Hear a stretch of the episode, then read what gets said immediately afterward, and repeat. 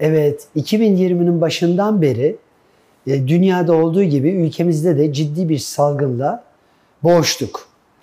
Aslında olay geçmiş gibi ama geçmedi. Bundan sonra da o virüsün e, değişimleriyle devam edecektir. E, Birçok kişi hastalandı. Bu arada ben yarı espri herkese şunu söylüyordum korunmaya çalışanlara. Tabii ki korunacağız ama her fani bir gün Covid'i tadacaktır diye. Çünkü bu bir virüs. Yani aslında bu virüs herkese bulaşıyor. Ancak bağışıklığınız iyi ise fazla bir hastalık oluşmuyor. Hatta fark etmeden geçirebiliyorsunuz. Bağışıklığınız kötüyse, bazı zafiyetleriniz varsa hastalanıyorsunuz. Tabii e, genel kronik hastalıklarınızın derecesine göre ve vücudunuzun durumuna göre bazen bu e, COVID enfeksiyonu şiddetli oluyor. Bazen diğer var olan hastalıklarınızı tetikleyip onların sizi daha fazla etkilemesine yol açıyor. Böylece COVID ve COVID'e bağlı hastalıklar oluşuyor. Aslında bu COVID-19 virüsü ünlü bir virüs. Bunun dışında da bir sürü virüs aynı etkiyi gösteriyor. Sadece o kadar havalı değillerdi ve o kadar istatistik olarak incelenmiyorlardı. Çünkü virüsler vücudumuzu etkiler. Özellikle üst solunum yolu enfeksiyonuyla daha çok ağız ve burundan giren virüslerde bizim akciğerlerimizi hep etkiler. İlk defa bu kadar istatistik yapıldı. Bana göre biraz fazla da korkutuldu ama yani iyi yönleri de var bu korkutmanın. Bir şekilde e, birçok kişi Covid geçirdi. Covid geçirenlerde de bazı yan etkiler devam etti. Bunlardan en fazla devam eden yan etkiler üst solunum yolu e, problemleri, nefes zorlukları, enerji düşüklüğü, bazı e, deri rahatsızlıkları, bunun dışında işte merdiven çıkamamak, eski ağız tadım yok veya sindirim sorunları yaşıyorum gibi yaygın sorunlar var. Bunlar birinci derecede e, post-covid belirtileri diyebiliriz. Daha az yaygın olan belirtiler de var. Ama onları çok fazla kategorize etmemize gerek yok. Çünkü birçok virüs hastalığı nezleden sonra bile bu tip şeyler olur. Hatta eskiden beri biliriz biz hekimler olarak. Özellikle biraz da okumaya meyilli hekimler olarak. Grip, nezle gibi sorunlar da kalp hastalıklarını ve akciğer hastalıklarını tetikler. Tabii bu tip hastalıklardan sonra da önemli her hastalığın sonrası gibi bir nekahat dönemi vardır. Bakın gripte bile bir nekahat dönemi vardır. Hatta espri olarak eskiden beri biz doktorlar ne deriz? İlaçla bir haftada ilaçsız yedi günde geçer diye. Yani belirtiler, ön belirtiler, sizi kötü hissettiren belirtiler geçtikten sonra bile kalan arızlar uzun süre sizi süründürür. Bu olay bir seneye kadar uzayabiliyor. Hatta başka hastalıkların ortaya çıkmasını tetikleyebiliyor.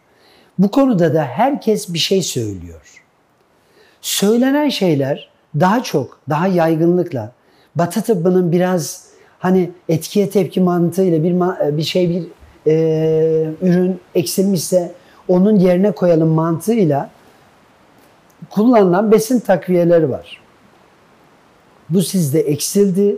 Bunları yerine koyalım. Şu takviyeyi kullanırsanız daha iyi hissedersiniz gibi.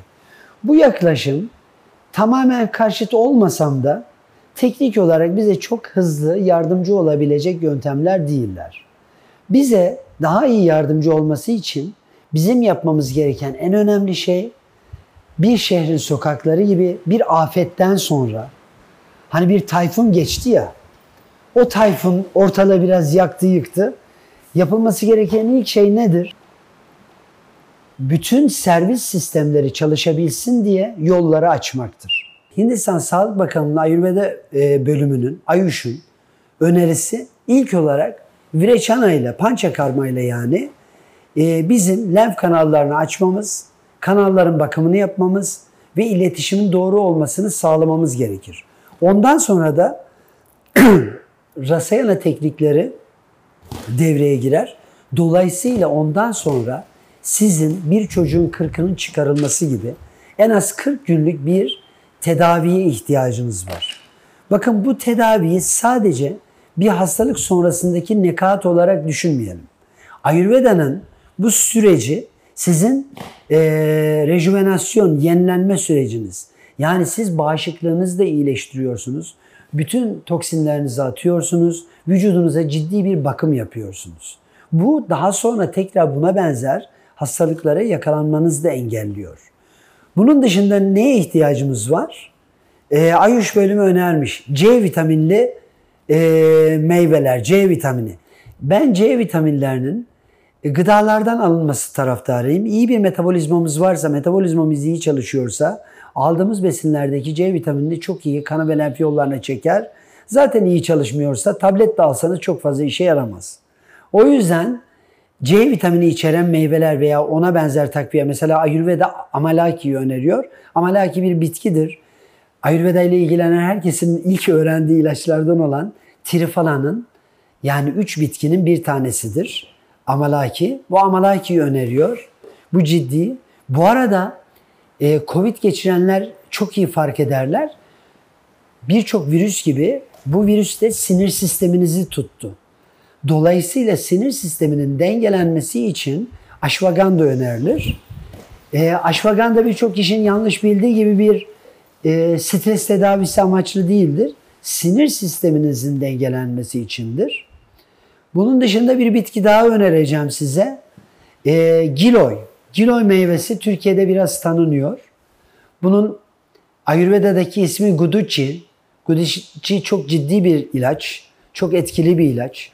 Bağışıklık sisteminizde ana metabolizma organınız olan karaciğer, pankreas ve dalağın hatta önemli filtre organımız olan böbreklerin tedavisinde çok etkili. Bunların kanallarını açıyor ve çalışma performansını iyileştirdiği için vücuda kendini yenileme şansı tanıyor. Dolayısıyla Ayurveda'ya göre Agni'mizi, iç gücümüzü iyi tutarken bu ürünlerde kullanabilirsek öncelikle ağır bir e, Covid geçirmişsek bir Vireçana programıyla bakım yaptıktan sonra bunları kullanırsak o zaman çok net olarak 40 gün sonra hiç hastalık geliş, e, e, geçirmemiş gibi devam edebilirsiniz.